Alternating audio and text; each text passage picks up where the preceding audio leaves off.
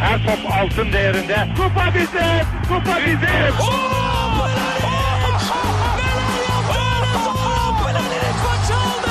Dengeli de attı. İsabetine buldu. Maçta Fontervi. Zora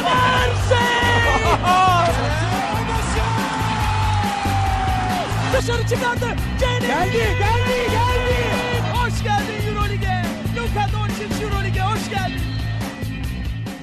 İkili Oyun'un 133. bölümüne hoş geldiniz. Ben Serkan Mutlu. Mikrofonun diğer ucunda Avrupa basketbolunun arıza kalemleri Ali Akdime, Tancan Fümen var. Selamlar beyler.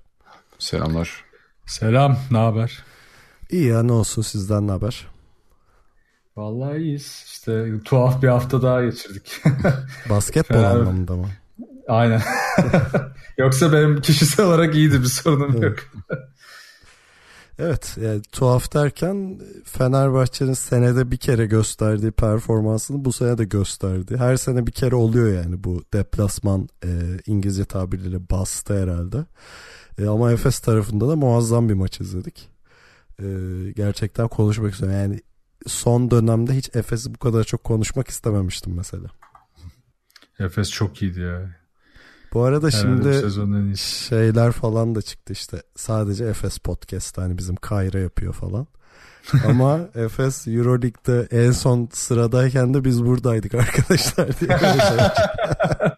Biz Toma Hörtel'ler konuştuk burada ya Allah evet ya kahretsin. evet. Yine izledikçe Ulan bir de inatla sıkıldı. konuşuyorduk ya. Mesela şimdi Darüşşafaka'yı falan hani kusura bakmasınlar biraz dışarıda bıraktık da Efes'i hiç bırakmadık yani. Evet abi yani. Of. Abi şeyi düşünsenize biz bir de ilk başladığımız yıl dört takım birden konuşuyorduk. Oo evet o da vardı ya. İyi takip etmişiz yani ben şu an iki takımda bile bazen zor yetişiyorum yani işte anca tekrar Bir falan de izliyoruz. dört takım çift hafta maçı falan da oluyordu. Çift hafta yoktu o sene ya var Yok mıydı? muydu? Kesin vardır ya. Ya o sene NBA yapmıyorduk ama bak onu hatır. en azından. Yok yok çift hafta vardı. Hatta Türk takımlarını birbiriyle oynatıyorlardı o zaman. Ha, evet doğru. Öyle bir şey vardı diye hatırlıyorum ben de. Ben geçen sene geldi diye aklımda kalmış ama yanılıyor olabilirim. Neyse yani. Kimse Zor yokken günlerdi. biz vardık beyler. YouTube'umuzda don yoktu biz Euroleague konuşuyorduk. Paralar yatmamıştı daha dönem tabii. Hala yok ya bir şey değişmedi bir ya o zaman daha milyon dolarlık anlaşmalara vardı ya. Hani Evet. Ya mikrofon yavaş- sponsoru şey daha yoktu yani. Maaş yatmıyor falan. İşte anca. Eh, Tancan'la şey yaptığımızı hatırlarım. Soğukta bir kış günü maç izledik falan. Yok hiç öyle şey. Niye dışarıda izliyorsak değil mi? Evet, titriyorlar öyle değil mi? Peki Euroleague konuşacağız. Konuşmaya başlamadan önce bize görüş, yorum, öneri ve soru iletebileceğiniz ya da bizi takip edebileceğiniz kanallarımızı hatırlatayım. Web site adresimiz ikilioyun.com, mail adresimiz selam at ikilioyun.com, Twitter, SoundCloud ve Spotify'da ikili oyun takip etmeyi unutmayın. Yayınlarımızın Geek Yapar'ın YouTube kanalından da takip edilebildiğini hatırlatayım. Ve son olarak Telegram grubumuzdaki muhabbete bekleriz. t.me slash ikili oyun adresinde son olarak demişim ama ayrıca Tancan'ın e, kek pasta ve börek tarifi verdiği twitch.tv slash tancan adresindeki Twitch yayınlarını da kaçırmayın. Evet pasta kremaları üzerinde uzmanlaşıyoruz. Kıymalı kol böreği falan. Yani şöyle pasta kremasını yapıyor yayının sonunda da üzerine sürüp neyse. Hayda. Oradan IRL'e bağlıyor işte şey. Ben de diyorum bu sayılar niye artıyor yani. İşte tuhaflık var. Ee, peki konuşmaya başlayalım isterseniz yani isterseniz değil e, mecburen. ya bir, şey- biliyor musun hiç canım istemedi ya diye kapatalım. Vallahi değil mi? Konuşmayıp kapatalım bence de. Bence kek tarifi verip bi- bitirelim. Güzel olabilir ya. Klasik bir ama limon limonlu böyle kakaolu klasik anne keki bak güzel Bak pofuduk. benim favorim limonlu portakal kabuklu sade kek çok severim. Heh, evet abi mis gibi. Kahveyle de süper olur. Ha, Oh, Ya da havuçlu bak o da kahve. Ha, tam havuç Havuç. bak. havuç da olur aynen. O da yürür. Farkındaysanız Fenerbahçe maçını konuşmamak için her şeyi yapıyor. Abi asıl bu aralar San Sebastian cheesecake çok çıkışta falan. Ya bir tri- tri- Trileçe vardı o ne oldu ya falan. Abi o gereksiz bir hype yaratıldı. Böyle şey basketbol terimleriyle. Trileçe'nin savunması çok kötüydü abi. Olmadı. Evet.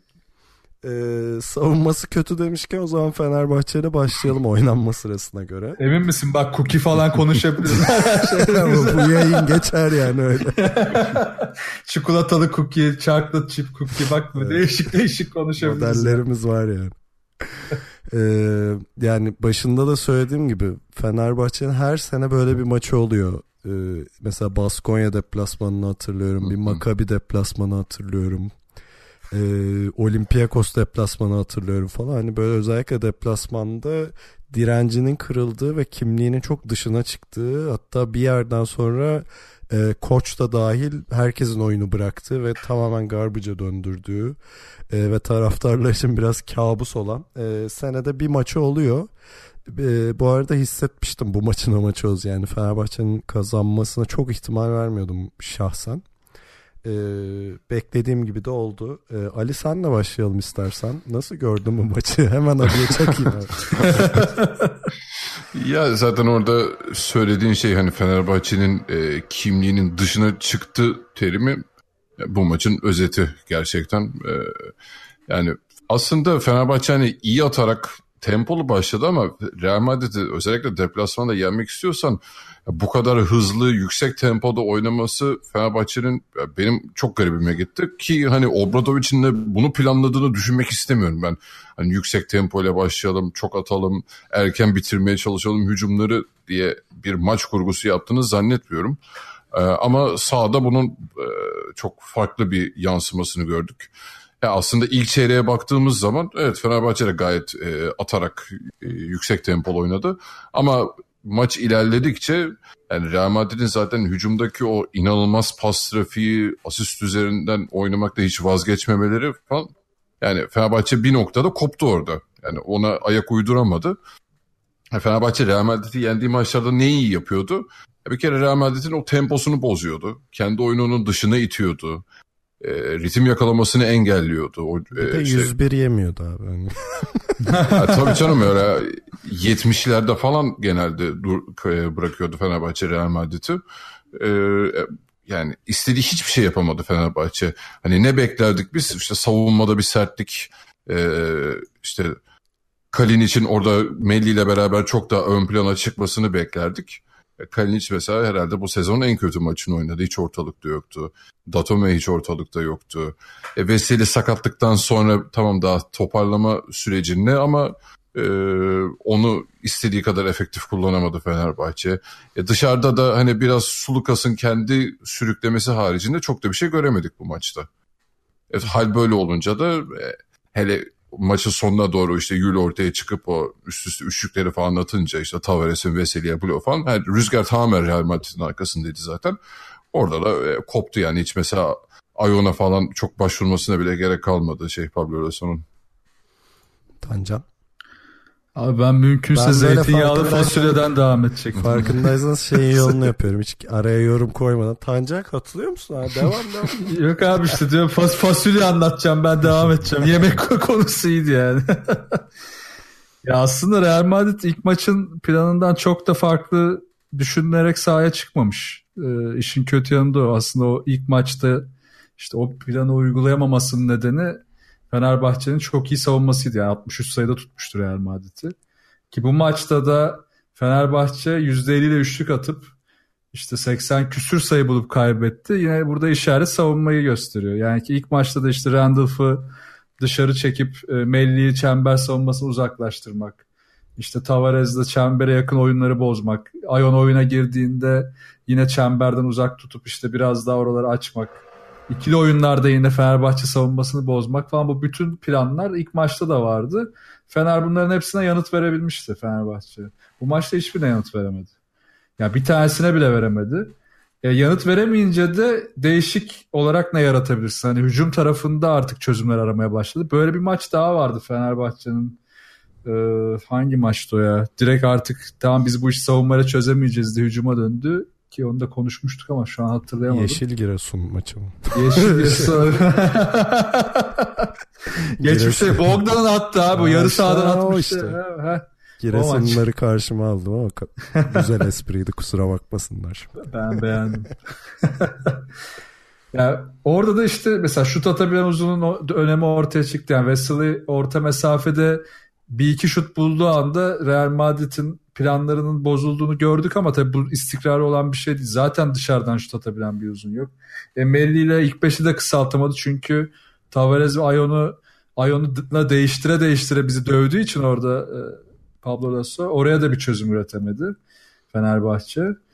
E, üstüne de bireysel performans da çıkaramadı bu maçta ekstradan. Yani mesela Datome üzerinden gidebiliriz burada. Datome'nin yine ilk maçta çok önemli ekstra bir katkısı vardı. Bu maçta Datome'yi sahada tutmak o hücum katkısı da gelmeyince iyice zor olmaya başladı. Çünkü savunmada berbat durumdaydı. E, Karin için de hiç ekstra bir katkısı olmadı hücumda. O da üstüne savunmada kötü olunca böyle iki tane kocaman bir delik açılmış oldu ve bunları hiçbir şekilde dolduramadık. Onun dışında zaten Real Madrid şunu çok iyi yapıyordu. İlk maçta da ani topa baskılar işte yine tam sahada karşılamalar. E burada da delici yok. Zaten Green'le falan ya da işte Dixon'da bir yere kadar götürebildi. Green hiç olmuyor.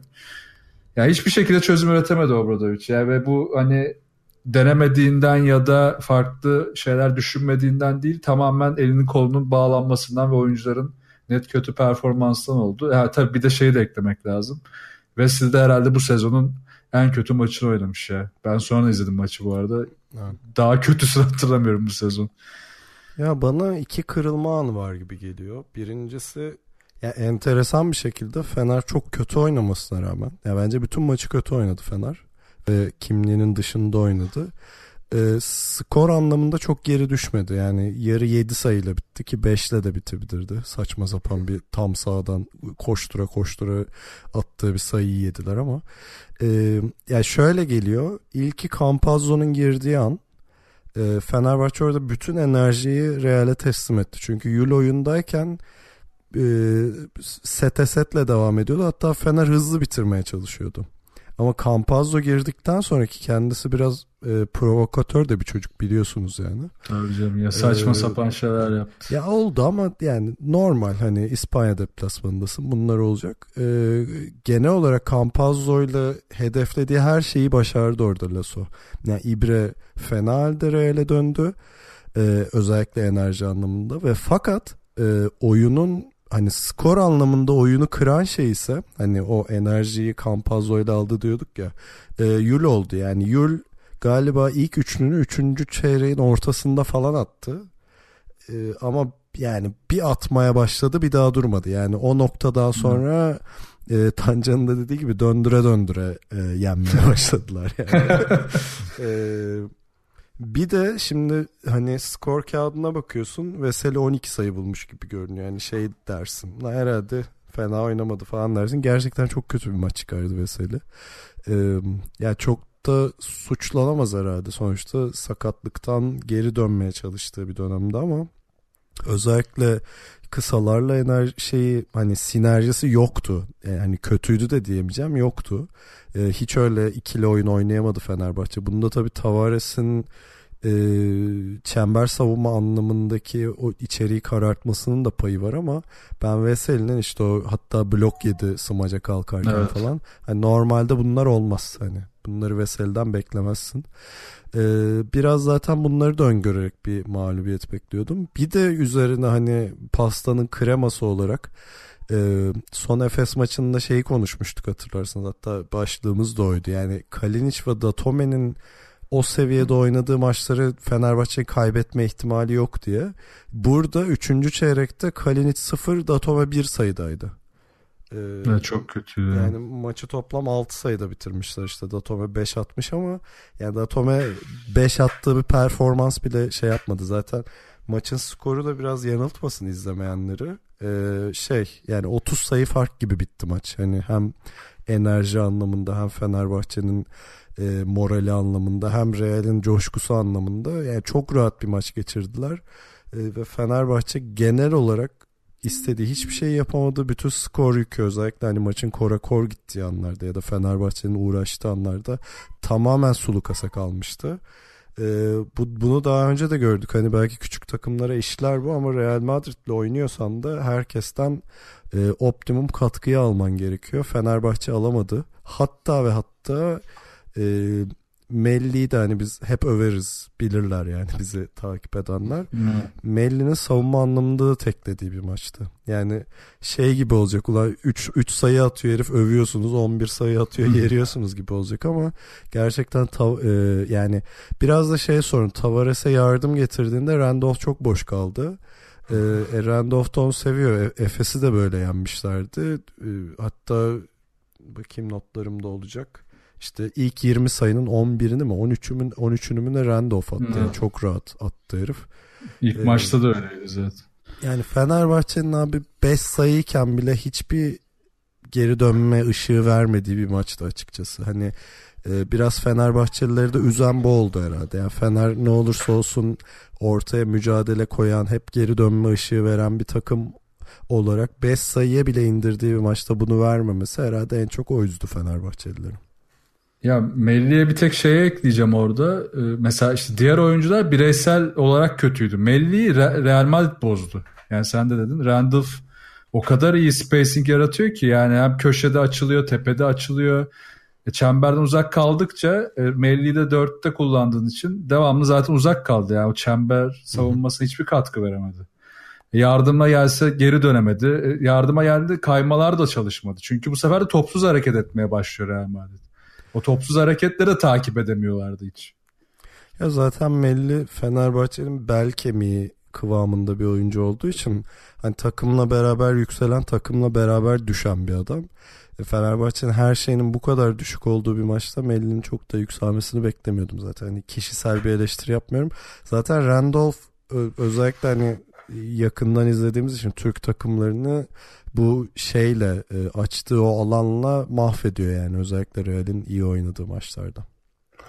Zaten e, demiştim biraz önce yani en büyük fark bu maçta enerjiydi bence. Yani Real Madrid'de Jeffrey Taylor'ından Kazör'üne herkes toplara atladı o savaşı her alanda gösterdiler hem hücumda hem savunmada. Fenerbahçe'de hani öne çıkan kimse olmadı maalesef ya. Hani bir tek Sulukas biraz su üzerinde tutmaya çalıştı takımı. Kendi e, skoru üstlenmeye çalıştı. İşte hani Dixon girip bir 2-3 attı falan ama hani dediğim gibi kimse de bu ışık e, gelmedi. O yüzden ben hani e, isim özelinde çok da gitmek istemiyorum. Yani Melli de kötüydü, Veseli de kötüydü. Gudur işte belki o hani almasını beklediğimiz sorumluluğu alamadı falan. Yani genel olarak Fenerbahçe'nin her anlamda e, çok kötü bir maçı oldu bu. Yani çok genele yayılacağını da zannetmiyorum ama işte başta dediğin gibi o yılda bir olan Fenerbahçe şeyi bu. Bir de Olayı şeyi diyorum. de ekleyeyim hani gene izlemeyenler için şimdi istatistikler biraz aldatıyor abi maç sonundaki. Mesela asistlere bakıyorum 29-14 ya. Hani gene ikiye katlamış Real ama daha da kötüydü yani 3. çeyrekte maç koparken Real 22 Fener 9 asistteydi. Ee, yani korkunç seviyede e, bir sürkül, sürkülase etme durumu vardı. İşte sonlara doğru Biberovic falan girince e, Lasso da şey yaptı. Rotasyonu e, döndürmeye başladı. Sonradan biraz azaldı. Yani e, maçın e, gitti. Hani iki takımın da performans gösterdiği anlarda Real Madrid çok fena sürkülase etti Fenerbahçe'yi. Rebound sayısıyla asist sayısının eşit olduğunu hiç hatırlamıyorum. Basketbol izlediğim dü- dünyamda. Bu arada maçta bir ara spiker 30 oldu dedi. Ben de baktım ekrana 30 yazdı hmm. ama herhalde sonradan değiştirdiler. Şu an Euroleague'in sitesi. Euroleague'in mi olsa en son asist mi? Oralardan biri silindi galiba. Ha, Takıma evet. yazıldı. Bir tanesini silmişler. Yani bir de bak şu çok can alıcı bir istatistik. Şimdi ilk maça da bakıyordum. O maçta 56 hücum kullanıp daha az faal atmış Real Madrid. Bu maçta 64 hücum yaratmış. %70 ile ikilik atmış. Yani %70 zaten bu bunu şey yaparak e, hücumla yenebileceğim bir şey değil bu sistem değil yani savunamamış Fenerbahçe hiçbir şekilde. Bu %70 aşırı saçma bir yüzde. Ki Fenerbahçe'nin bak %60 oynadığı maçlar alışkanlık yaratmıştı bizde. %70 artık onları düşününce baya böyle şey uzay teknolojisi gibi çok acayip. Şimdi bir de şunu konuşalım abi. Tabii ki de böyle mağlubiyetler üzücüdür. Ee, ama bir yandan da hani Fenerbahçe Eurolig'in lideri ee, ve hani şeyi de garantiledi. Sağ avantajıyla playoff oynamayı da garantiledi. Öyle hani çok üzülecek, ahvah edecek bir durum yok ama bazı kırmızı alarmlar görüyorum. Ee, birincisi de e, nasıl diyeyim? Hani böyle zora giren maçları döndürecek bireysel performans eksikliği diyelim.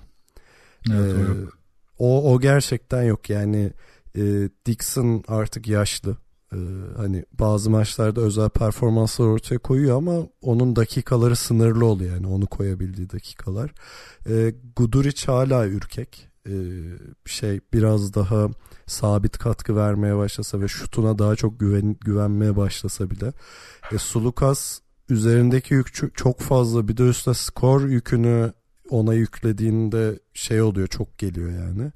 E, Datome ve Kalinic yani e, şey eleştirmek anlamında söylemiyorum ama çok sabit katkı veremeyebiliyor ve böyle takımın enerjisinin düştüğü maçlarda onların hareket kabiliyetleri çok yüksek olmadığı için ya da atletizmleri çok yüksek olmadığı için e, sınırlı kalabiliyorlar. E, delici adam eksikliği işte Eric Green'i e, konuştuk falan yani böyle zora giren maçlarda e, maçın kilidini açacak. Şimdi Bogdan demek istemiyorum maalesef. e, ama oyuncu eksikliği biraz göze çarpıyor. Bu da e, Final Four anlamında bir e, kırmızı ışık yakıyor. Çünkü ya ben hep söylüyorum Fenerbahçe'nin yani Obradoviç Fenerbahçe'sini ben playoff'ta alt edecek takım zor diye düşünüyorum. Hele hele e, sağ avantajını almışken. Ama Final Four tek maç yani bileğini bükerler geçerler. E, şimdi iki takımı da teraziye koyduğumda Real'in e, bir maçı kopartacak ve Hani o turnuva takımı derler ya yani tabiriyle. Evet. O anlamda Fenerbahçe'ye göre avantajı olduğunu da görmüş olduk. Doğruyu doğruyu da konuşmuş olalım yani. Ya anlamda kesinlikle Real Madrid zaten oyunculara tek tek kağıt üzerinde baktığında daha yetenekli bir takım Fenerbahçe'den. Dediğim gibi hani bireysel çözücüleri daha fazla var. Ama Fenerbahçe'de hani işte bu oyuncuların çoğu o, e, iskelet yıllardır birbiriyle oynadığı için ya başında da Obradoviç gibi bir adam olunca yani inanılmaz bir sistem takımı Fenerbahçe'de. Fenerbahçe bu maça atıyorum e, Final Four'da olsaydı tabii ki de böyle çıkmayacak. Çok daha yüksek bir enerji olacaktı. Yani o noktada Real Madrid'i bozduğun zaman e, Real Madrid'in de oradan çıkması çok zor oluşuyor. Yani her takımın bir yumuşak karnı var sonuçta. E, ama tabii Final Four gibi tek maçta e, ne olacağı hiç belli olmuyor. Valla benim bir tek şey söyleyeceğim en son. E, dediklerinize katılıyorum. Tek derdim şey ya yani bu uzun rotasyonu işte Real Madrid. Yani kısalara çok yükselmiyorum da uzun rotasyonu çok yani her geçen gün daha da canavarlaşıyor. Randolph, Ayon, Tavares ki Tavares'i geçen sene kıyaslayınca da bu sene inanılmaz farklı. Ya bu üçlüye bakınca Fenerbahçe'de zaten Lavern'den bir şey gelmiyor. Ahmet zaten e, sahada yok gibi bir şeydi son maçta. Çok fena oynadı yani. E, Laverne iyileşse bile zaten ne verecek? Şimdi bütün yük Vesely'e binmeye başlayacak. Tamam Wesley bu sezonun en iyisi MVP seviyesi ama işte Final Four'da o yük bindikçe yine geçmiş Final Four'ların da psikolojisini yaşar mı? Bunu yaşatmamak için keşke acaba bir kısa rotasyon yer oraya mı takviye yapılsaydı diye de düşünmeden edemiyorum şu anda. Ama tabii kim de bulacaksın o da yok ya oyuncu da yok bir yandan. Hı. Ama şu dar rotasyon çok korkutmaya başladı beni ufak ufak. Ya Lovern biraz kötü bir dönem. Ya aslında çok da kötü değil ya. Düşünüyorsun Fener şeyi playoff'u garantilemiş. Ee, Veseli de aslında iyi bir anda ameliyat oldu falan. Hani şeye de daha var. Ee, hani playoff dönemine daha da var. Hani orada Veseli eski formunu yakalayacaktır. Lovern bir şekilde geri dönecek. En azından rotasyonda yer alacak falan. Yani Fener bu kadar da dar bir rotasyonla oynamayacak ama Mesela işte Ahmet'i gördük bu maçta. Tecrübe eksikliği ya da özgüven eksikliği hemen e, göze çarpıyor. Mesela çok saçma bir steps yaptı. Hani 3 e, saniye aldı bir tane. 3 saniye aldı falan. E, şey de çok düşürdü. Veseli'nin bir tane şeyi teknik şey sportmenlik dışı faulü bir de hücum faulü üst üste geldi falan. E, yani tabii ki de çok öyle depresyona girecek bir şey yok ama yani bu bir eksik Fenerbahçe adına diye düşünüyorum. Peki ekleyeceğiniz bir şey yoksa kısa bir ara verip haftanın kazanan takımına yani Efes'e e, odaklanalım.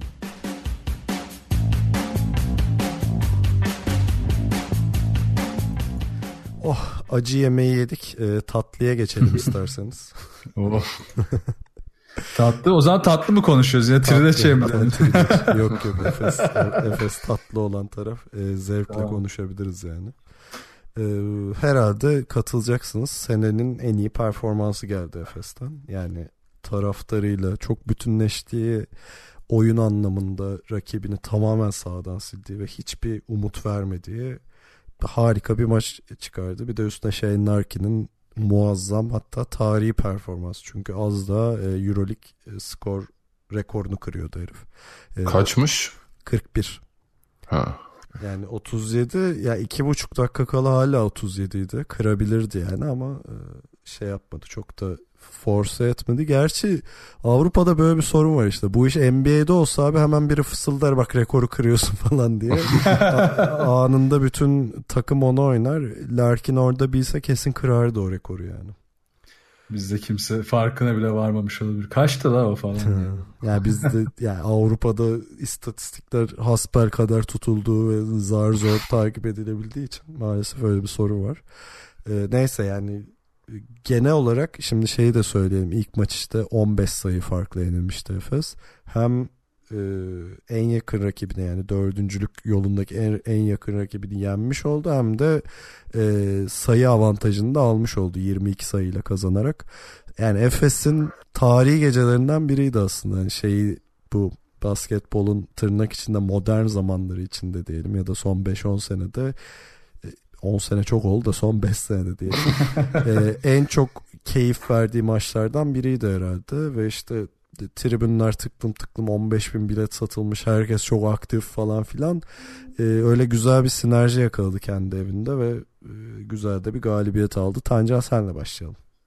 Abi seyirciye ben de bir değineceğim ya çok iyiydi ki bak Efes'in yani çok maçına gittim ben burada. En son hani böyle heyecanlı tempolu işte şey e, ilk o üç dönemi Real Madrid maçı burada Abdi İpekçi'de son saniyede kazanılan maç.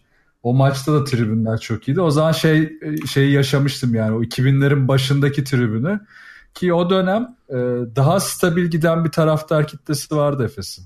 Yani maç çok seçilmiyordu. Şimdi tabii çok daha fazla maç seçilerek gidiliyor.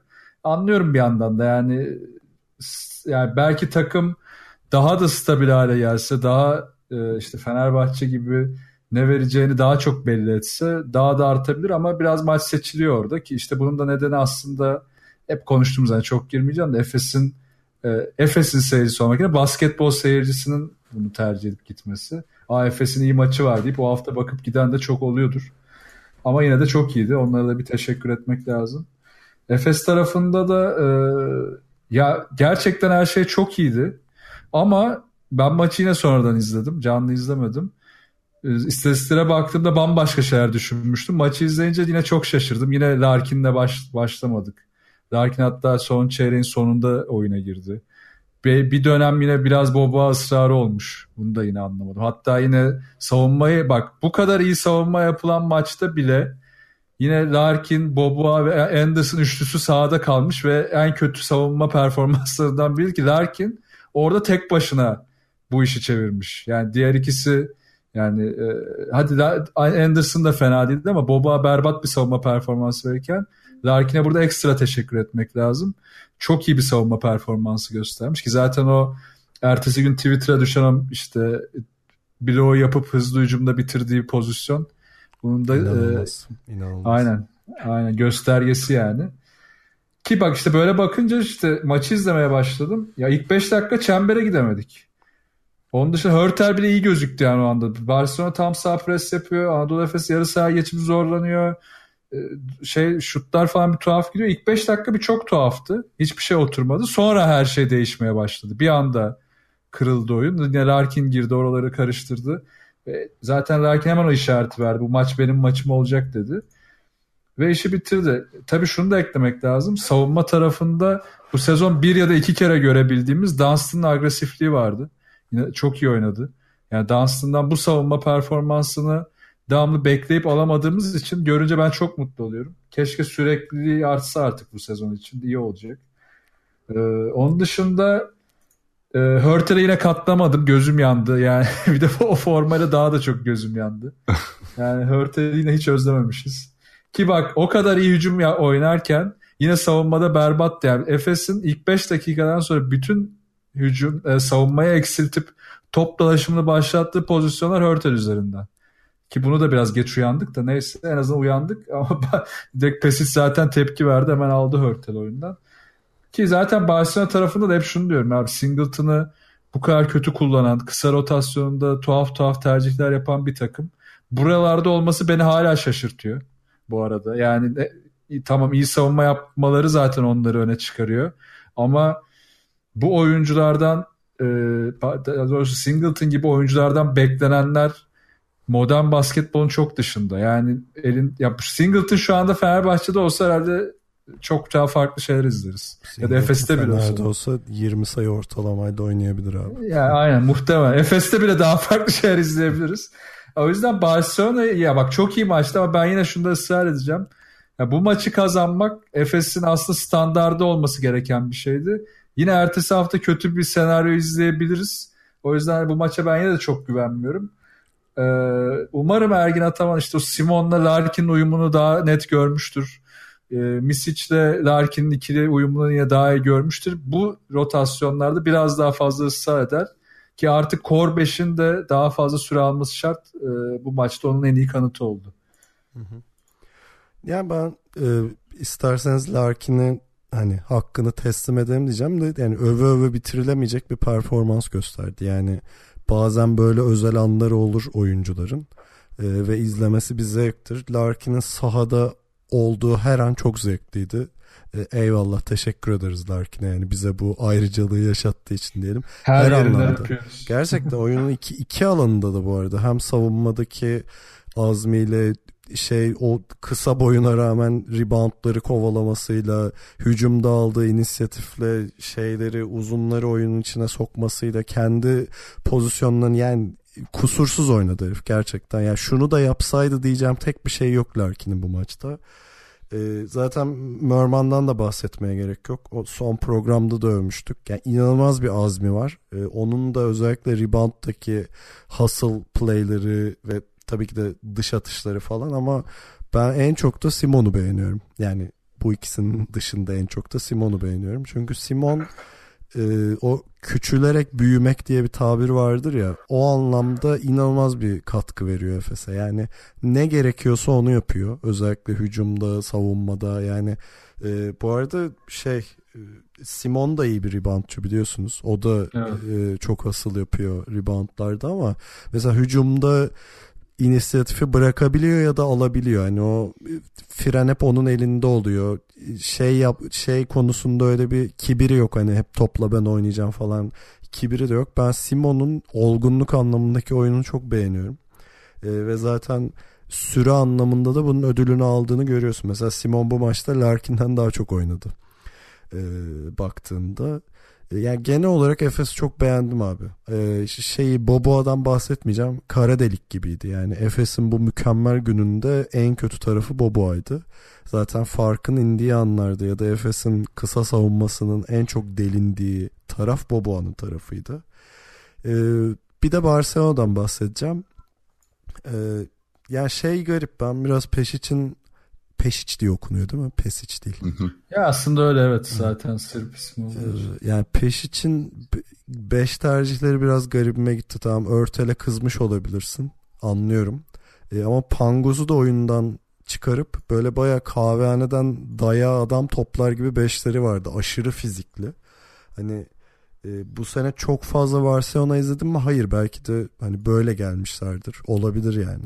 E, neden olmasın diyorum ama e, yani Hanga üzerinden oyun kurdukları anlarda Efes çok rahat oynadı açıkçası. Yani onlar da o delici, iş bitirici oyuncuyu çok aradılar ki şimdi ne kadar eleştirirseniz eleştirin Örtel öyle bir oyuncu. E Pangos da öyle bir oyuncuydu. Yani bu sene öyle bir katkı alamamasına rağmen. E Singleton da biliyoruz yani ona alan açtığında ne kadar etkili olabildiğini falan. Genel olarak Barcelona'nın e, yerini biraz ben de yadırgadım açıkçası. Yani ama bir yandan şeyi de anlıyorum. Uzun rotasyonda çok fizikli ve güçlü kalabiliyorlar. E, muhtemelen de e, konumlarını ona borçlular ama ya şeyi de gördüm yani. Hani o kadar yakından izlemeyince ve puan tablosuna baktığında Efes'i zorlarlar mı diyorsun ama gerçekten de Efes'in normal şartlar altında bu Barcelona'nın onların rakibi olamayacağını da görmüş olduk herhalde. Ali burada söze girebilirsin. Ali bir şey demeyecek. Övmem bitti mi abi okey. Bitti bitti. Abi zaten geçen hafta biz Efes'i konuşurken hani Fenerbahçe'ye karşı ne yapmalı gerektiği e, üzerindeki po- bütün şeyleri bu maçta gösterdi Efes. İşte hani Shane Larkin'in o deliciliğini kullanması, hızını kullanması, hani bunun üzerine bir oyun planı beklerken hiçbirini yapmamıştı Efes bunları geçen hafta. Bu maçta da neredeyse hepsini yaptı. E, zaten böyle olunca da ne kadar e, izlemesi zevkli, bir ya tamam Shane Larkin'in tarihi performansı bir yana hani genel olarak çok da e, işte rakibinin eksikleri üzerine yumuşak karnını vuran bir Efes vardı. E, e, şey hani bu hafta nasıl Fenerbahçe'de efor ve enerji dipteyse Efes'te de bu çok yukarıdaydı takım olarak. İşte reboundları çok konsantreydi o dediğiniz gibi hasıl hiç bitmedi zaten. E, Larkin de maça girdikten sonra o iki üçlükle üst üste havaya girince e, zaten hani bir ışığı vermişti orada. Mesela şeyin e, eksiklerini çok iyi kullandı Efes Tom için. E, savunma e, zaaflarından süper yararlandı. O dışarıya çekince Tom için geriye dönememesi, o pick and roll'lerde mesela ya faal aldı Efes ya potaya gitti. Mesela Berbat single, aynen Singleton zaten çok e, kolay, e, çok hızlı 3 faale geldi. O zaten onu bir e, ayağını kesti oradan. Singleton zaten Ee, bu arada 5 faulle oyun dışı da kaldı onu da Hı hı, ekleyeyim. aynen. Ee, e zaten Barcelona Efes'i savunmada durduramayınca hücumdaki e, şut seçimleri yani hücum kalitesi de bir anda çok yere çakıldı. Burada tabii işte Hörtel'in falan da işte Pangos'un o ritme girememesi hepsi vardı. Ee, yani genel olarak hani ilk e, Barcelona maçı ne kadar tatsız olduysa Efes için hani CSK Real Madrid mağlubiyetlerini saymıyorum Efes'in onlara okey dedik. Ee, Barcelona bence en çok canımızı yakan mağlubiyet olmuştu. O ne kadar tatsız olduysa burada o kadar tatlı oldu yani. Ee, Tam tersi oldu. O yüzden e, yani umarım bu maç bir göstergedir. E, Tancan da değinmişti hani Ataman için o rotasyonlarda. Umarım tek maçlık bir performans değildir bu Shane Larkin için ve bunun üzerine doğru inşa etmeye devam eder Efes. Ya ben. Efes'in şeyi çok kanıtladığını düşünüyorum ya. Yani bir yani açık açık şey bir aksilik olmadığı takdirde ben bu ligin en iyi dördüncü takımıyım e, mesajını vermiş oldu. Çünkü ya görüyorsun abi hani ilk üçle Eurolig'in geri kalanı arasında evet var bir fark var. Ama dördüncüyle aşağıdaki 5 6 7 8 arasında da var. Yani Efes tam o arada e, kalan bir takım hüviyeti Hı. veriyor ve tabii ki de Final Four sürprizi yapabilir. Yani Final Four sürprizi derken Final Four'a yükselme sürprizi değil. Yani Efes bir anda finale çıkabilir yani. Çünkü oyunu değiştirebilecek, tek başına inisiyatif alabilecek e, çok fazla adam var Efes'in. Başta Larkin gelmeye başladı. Hani senenin başında biraz daha Mitsic tarafındaydı o ama Larkin giderek böyle gaza basıp hatta hani, hani şey oyunuyla e, kişisi olarak da tatmin olmaya başladı. Onu da alıyorsun işte sayı attıktan sonraki tepkileri falan. E, Efes orada büyük sürpriz yapabilir. Neyse yani orada Efes'in verdiği mesaj bence açık. Ben bu takımın, ay bu senenin en iyi dördüncü takımıyım ve playoff'ta göreceksiniz beni e, mesajıydı bu. E, şimdi şeye de biraz bakıyorum fikstüre de. Hani daha önce de konuşmuştuk gerçi. Fener Barcelona ile oynayacak. Yani Efes'in birebir rakibiydi ve muhtemelen yener e, İstanbul'da. E, ve Efes Maccabi deplasmanına gidiyor. Yani senenin yine önemli maçlarından biri olacak. Yani orada alacağı olası bir galibiyette fark ikiye çıkabilir. E, ondan sonrası zaten yokuş aşağı. Yani şeyden bahsetmiştik ya CSK maçı kaybetmeyi göze alabileceğim bir maç haline gelebilir diye. Umarım da öyle olacak gibi görünüyor. O zaman Şey- Efes rahatlardı bayağı ya. Yani o Makabi maçı büyük zorlu geçebilir çünkü Makabi'nin de hani playoff potasına tutan, e, tutunmak için çok kritik bir maç olacak onlar adına. Ama e, sen dedin yani dördüncü takım Efes şu anda hani ligde. Bugün bilse lig ve Barcelona ile eşleşse playoff'ta bence hiç e, zorlanmadan geçebilir gibi hissediyorum ben Efes o seriyi.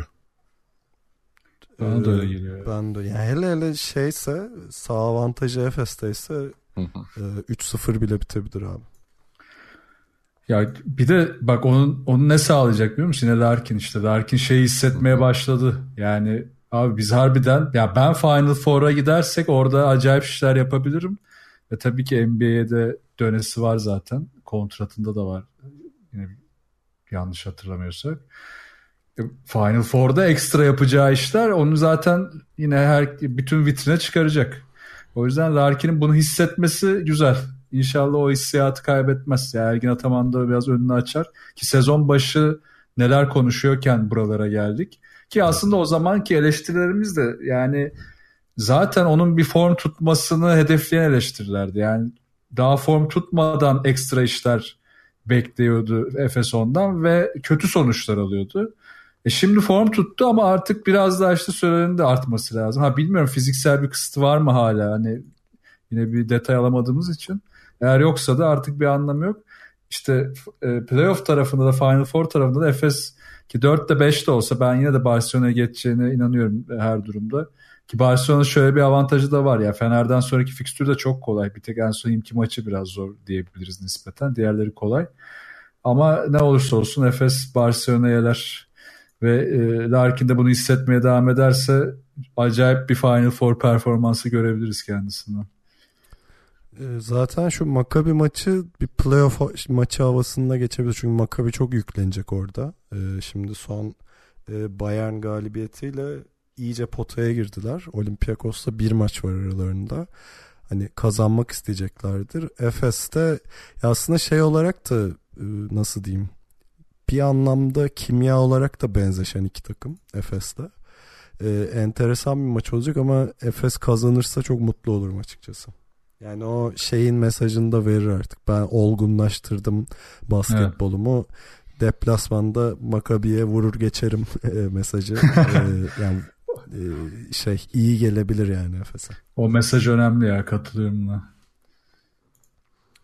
Var mı ekleyeceğiniz bir şey? Benim yok. Ee, yok hayır. Peki o zaman özellikle Efes taraftarlarını kutlayalım. Ee, gerçekten güzel bir galibiyetti ve e, takımın moralini e, çok yukarılara çekti. Ve diliyorum iki Türk takımını Final Four'da gördüğümüz enteresan bir sene olur bu sene. Umarım.